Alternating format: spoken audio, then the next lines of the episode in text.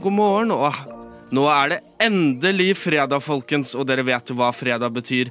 Det betyr opplysningen her på Radio Nova. Vi er her hver fredag for å lose dere gjennom samfunnsaktuelle saker, og med meg i studio i dag så har jeg Helena God morgen. og Amalie, og de skal ja, Amalie. hei. Og de skal være med meg for å lose dere gjennom denne spennende sendingen, så det er bare å bli her. Vi skal snakke om Nord-Korea Nord-Korea og fangeleirene, og det blir mye, mye spenn, spennende. Det blir nordkoreanske fangeleirer. Så har vi hørt om at EU skal ha nye tekstil, tekstillover, så det skal vi snakke litt om. Og vi skal snakke litt om grønnvasking og orientalisme.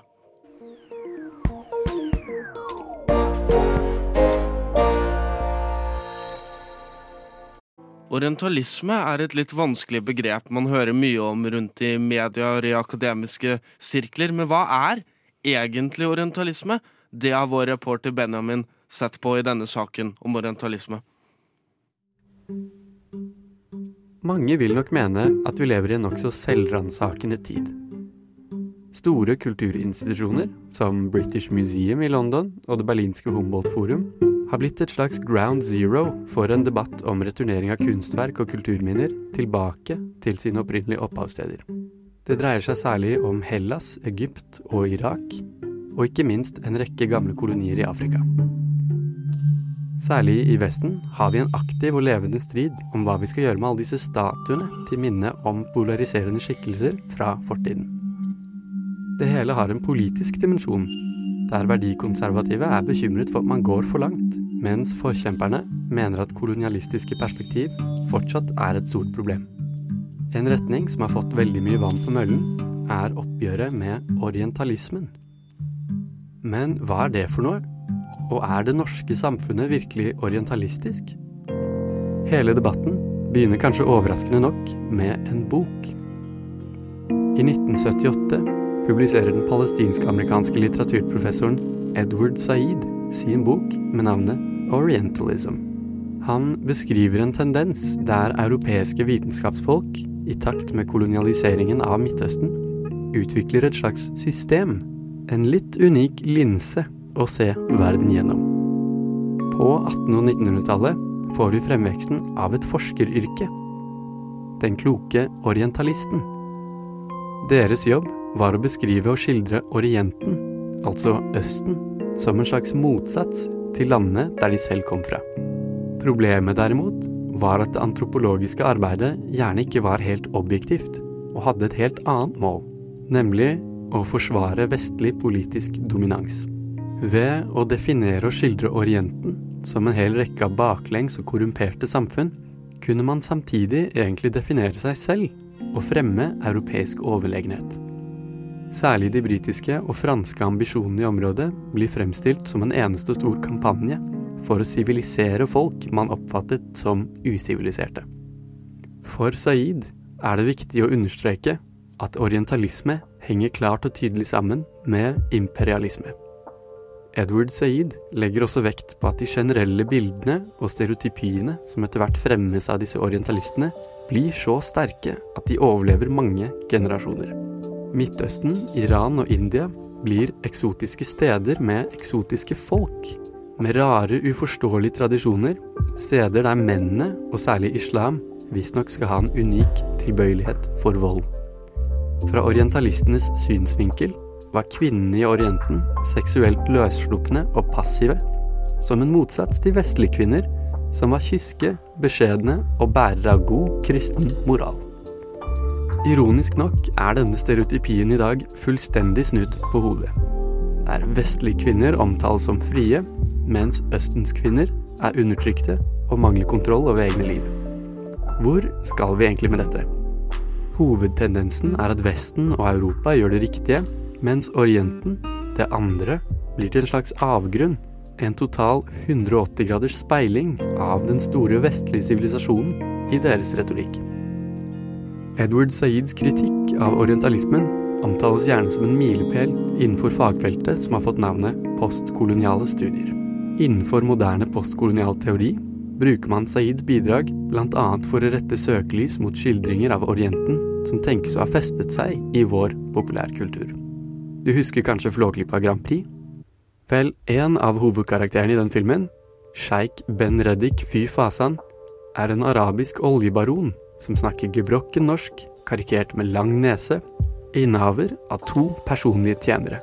En gorilla og en ung, vakker kvinne som kan tenkes å tilhøre et harem. Uakseptabelt og fordomsfullt, mener noen, mens andre tenker på det mer som harmløs moro.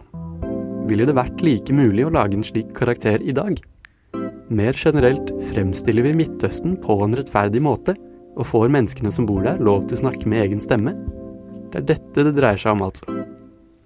Våre moderne samfunn forsøker i økende grad nå å ta et oppgjør med historien, og avdekke problematiske aspekter ved etterlevningene fra fortiden. Og nå som du vet litt mer, kan du tenke på andre orientalistiske trekk eller innslag i populærkulturen?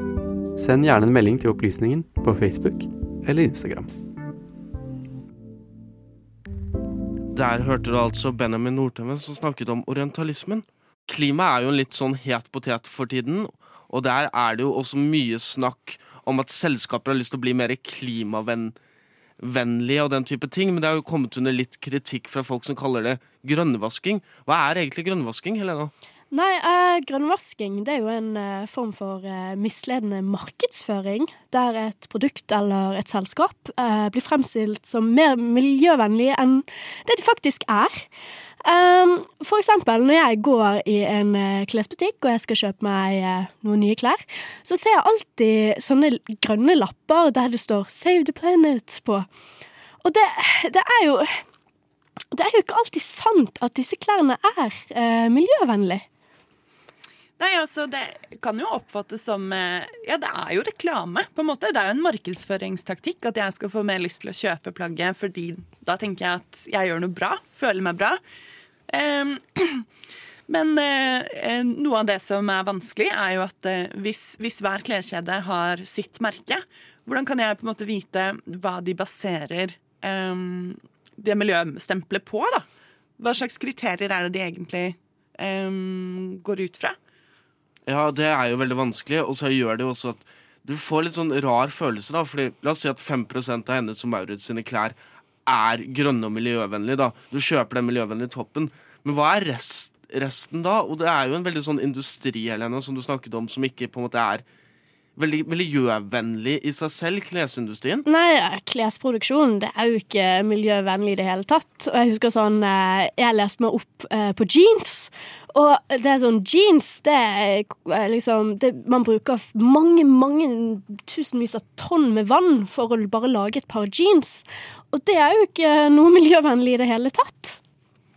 Ja, på eh, klimatoppmøtet eh, i Glasgow som var nå, så har jo eh, flere eh, klesprodusenter gått sammen eh, om å lage noe som heter Fashion Charter, da, hvor de har eh, blitt enige om å kutte klimagassutslippene med 50% Men spørsmålet er jo om det er nok, eller om det også er en form for grønnvasking. Ja, at det på en måte er OK, vi sier at vi skal bli mer miljøvennlig, men hvis vi på en måte ikke ser noe på det, jeg så her om dagen en kampanje fra Chevron, det store oljeselskapet i USA. Der de snakket om å vi gjør alle disse fantastiske klimatingene. Vi replanter naturen, vi gjør alt dette. Dette er hva folk gjør. Og, og var veldig sånn patriotisk på den der amerikanske reklamemåten som bare amerikansk reklame klarer å være. Og det som var så utrolig interessant, da, var dette var akkurat det minimum de måtte gjøre. Og jeg får litt den samme, den samme bismaken av klesprodusentene som sitter i Glasgow, og bare er sånn Det er det minimumet vi ber dem om å gjøre, gjør de. Men det er jo Og så reklamerer de det som dette er vi redder miljøet, men de fortsetter som du slapp, sier, å slippe ut massevis av farget vann når de lager, lager jeans. da. Og det, ja. og det store spørsmålet er jo egentlig hva skjer med klærne etter at vi er ferdig med å bruke dem? Eh, fordi eh, Spesielt hvis jeg kjøper en T-skjorte på Hennes Maurits, så tar det ikke så veldig lang tid før den for det første har mistet fasongen sin, og for det andre begynner å nuppe og kanskje gå hull i den. Jeg kan ikke ha den så fryktelig lenge. Nei, og det er jo på en måte det store problemet er jo fast fashion. Det er jo på en måte ikke noe vits i å si at 5% er miljøvennlig, når store deler av produksjonen fortsetter å være miljøverstinger eller lage bill billig og ikke god kvalitetsmote. Da. Så det er jo på en måte det som også er grønnvasking i bunn og grunn, det er å få en liten del av selskapet til å virke miljøvennlig. Eh, han som oppfant begrepet grønnvasking, eh, var på et hotell, eh, hotellferie, og der sa de at å, du må resirkulere, bruke håndklærne dine igjen og igjen, for da sparer vi penger, og vi sparer miljøet, og dette var kjempebra. Men så syntes han det var litt rart, da, for han begynte å lure på hvor er det disse pengene de sparer, hva skal de brukes til? Og det han fant ut, var at de skulle brukes for å utvide hotellet. Og dette hotellet sto i et område da, som var veldig mye korallrev. Og disse korallrevene var jo selvfølgelig på en, en eller annen verneliste eller noe sånt. Og det er i bunn og grunn grønnvasking. ikke sant? Du får en del av, av det til å virke kjempemiljøvennlig, og så går det henne som er det som bruker pengene de har spart på det, til å fortsette på en måte den fast fashion-produksjonen -produksjon, sin. Ut, og det er det som er litt sånn rart, ikke sant, Helena? Ja, det er jo uh, veldig rart. At, mm. Men eh, det er også på en måte Amalie, du snakka også om, om, dette her med at alle klesmerkene har ulike mer merkevarer. Hva, hva vil det på en måte si? Gjør det det vanskelig å ha standarder? Det gjør jo det. Det er jo mange som har lyst til at vi skal få en merkeordning for klær som er tilsvarende f.eks. det norske svanemerket. Når vi går og handler i butikken, så er det jo lett Jeg ser alltid etter svanemerket på sånn vaskeprodukter og sånn, for det stoler jeg på. Men jeg kan ikke stole 100% på Hønsemærit sitt eget miljømerke, for jeg føler det er ikke noe organ som eh, passer på at, eh, at, det er mer miljøvennlig. Ja, men finnes det da noe sånt, sånt Men det finnes det noe forsøk på å gjøre gjøre dette? Lage et svanemerke for klær? Ja, EU eh, er i gang med det nå. Og jeg har eh, laget en liten reportasje om eh, Det er en liten kontrovers rundt det. Da skal vi høre litt om denne klesordningen til EU. Vi ser denne tendensen til at de syntetiske tekstilene ikke bare vokser, ikke bare er årsaken til eksplosjonen i produksjon av klær, men også faktisk nå da fremstilles som en miljø, eh, si, redning miljømessig. Eh, og det er altså så provoserende at folk tror at vi tuller, men vi gjør ikke det, altså. Dessverre. Bunaden får miljøstryk av EU. Når EU kommer og tar bunaden vår, EU stempler bunaden som miljøversting. EU truer bunaden. Dette er alle overskrifter vi har kunnet lese i norske aviser de siste ukene. Og stortingspolitiker Silje Hjemdal fra Frp sendte et skriftlig spørsmål til statsråd Espen Barth Eide om han er enig i at byråkrater i Brussel ikke skal få true den norske bunaden. Men hva er det som egentlig har satt i gang debatten? For å få svar på dette treffer jeg en av damene som satte saken på dagsorden på togstasjonen mens hun venter på et tog. Jeg heter Ingunn Grimstad Klepp, eh, og jeg er professor i klær og bærekraft på Forbruksforskningsinstituttet SIFO på Oslo OsloMet. Eh, jeg har eh, vært skeptisk til utviklingen av dette virkemidlet PEF, Product Environmental Footprint, som foregår i EU i lang tid. Og jeg har også vært skeptisk til den grønnvaskingen av syntetiske tekstiler som den globale store fast fashion- og sportsindustrien holder på med. Den har jeg også vært opptatt av i mange, mange år. Og så i den forbindelse så skrev Tone Skårdal Tobiasson, min gode kollega, eh, og jeg en eh, kronikk som vi da kalte EU eh, e truer bunaden, som sto i Tekstilforum.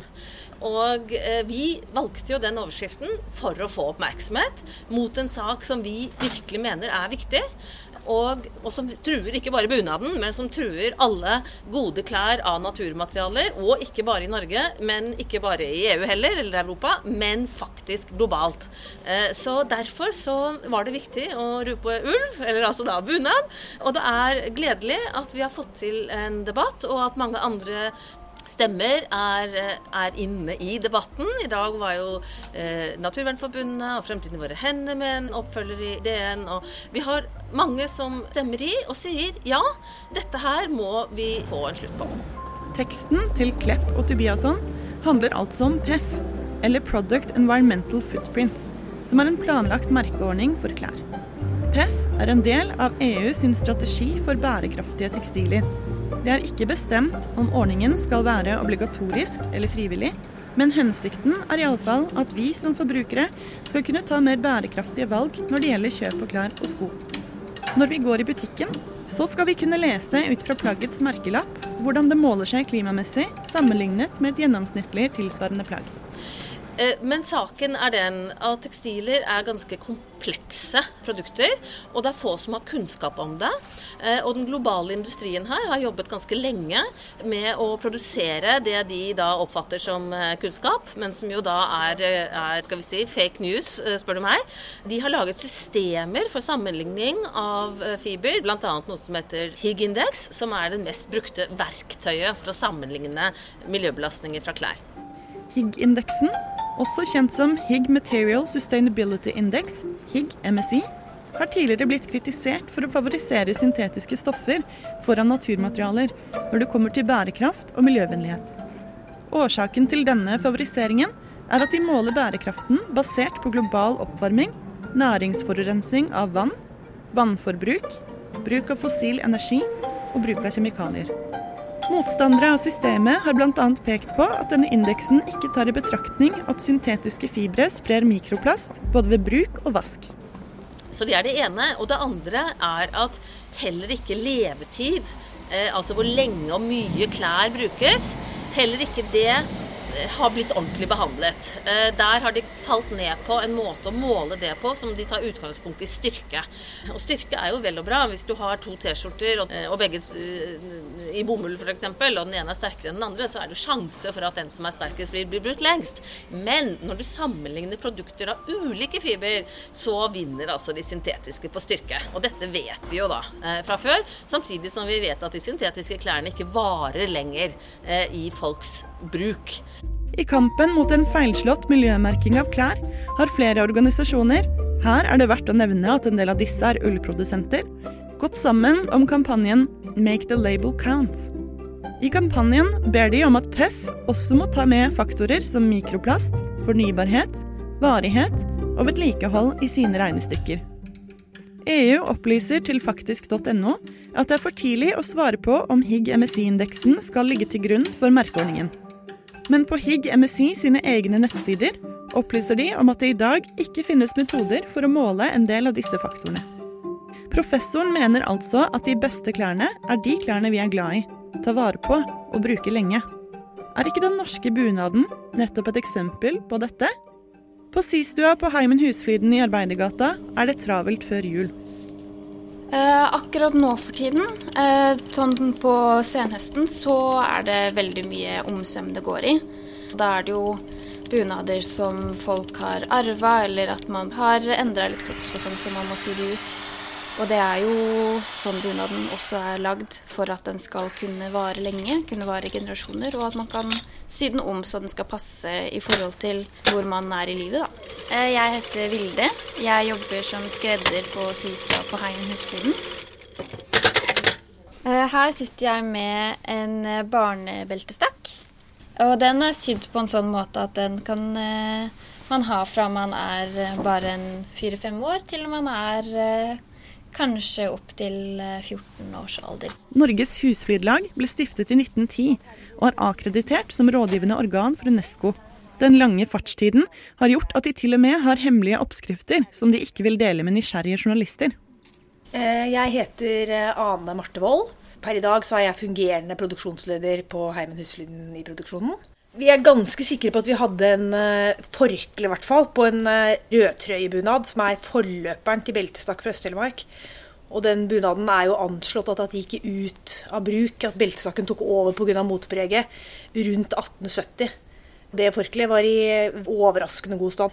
Du kunne på en måte ikke tippe at det var 150 år gammelt. Eh, jeg tror at eh, for det første så er det jo vakkert å se på. Og så tror jeg det har noe med hvordan bunaden står på en måte i kulturarven. da. Det er jo noe man har vært stolt over. Det har antageligvis vært det flotteste forkleet i den familien i alle de årene. Og så har de jo vært heldige. Det har vært en familie som har eh, ønska tatt vare på det, og kunne tatt vare på det.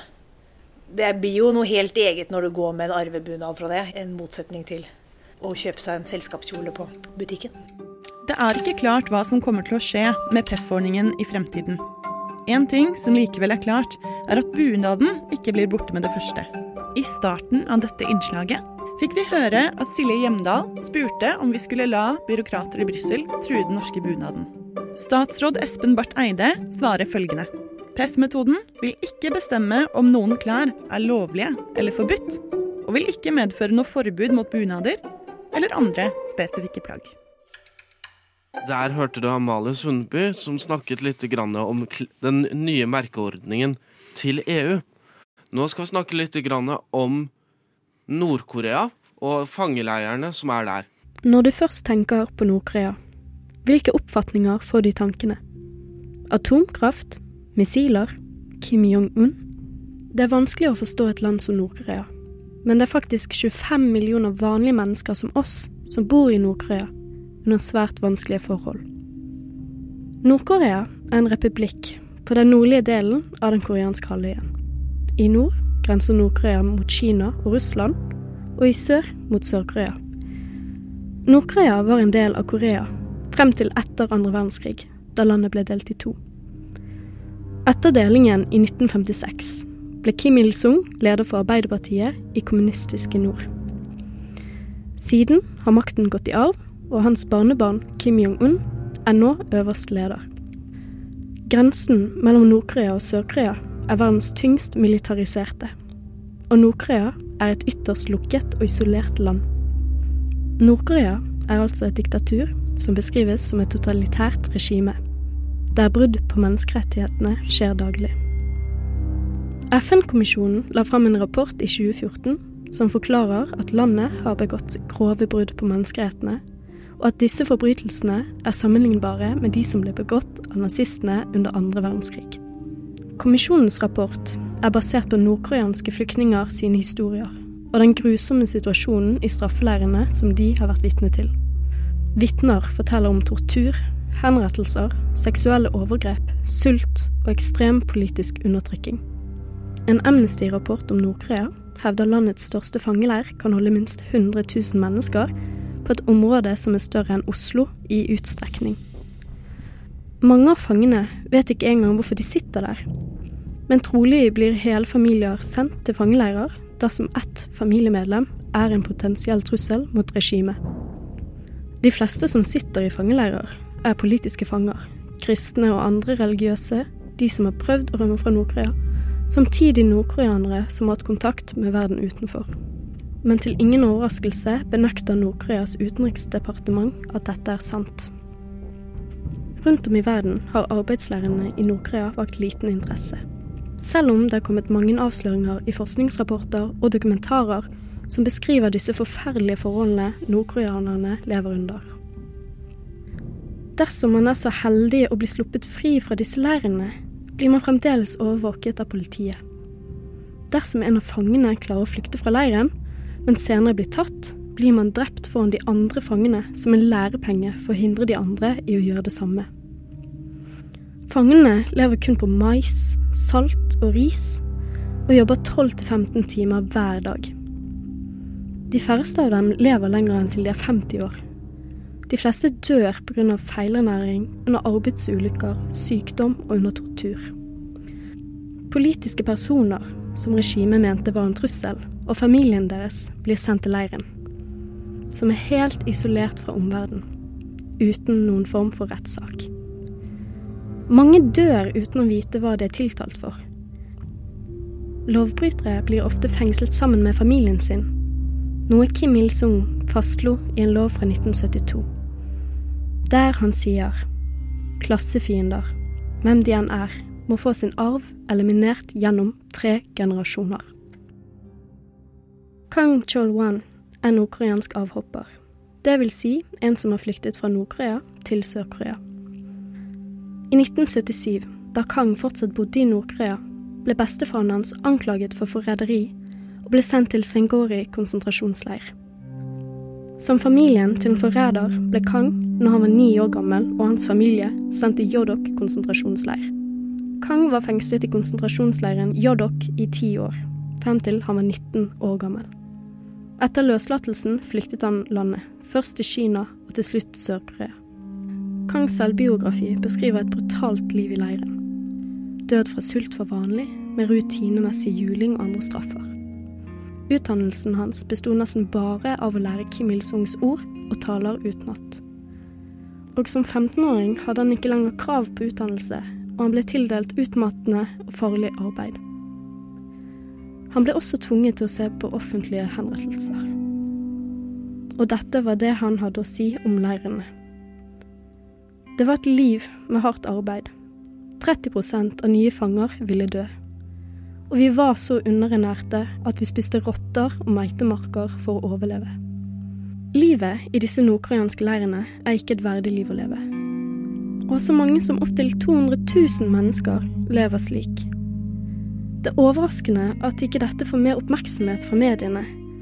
Men heldigvis gjør noen organisasjoner en god jobb for å sette lys på disse forferdelige forholdene nordkoreanerne lever under.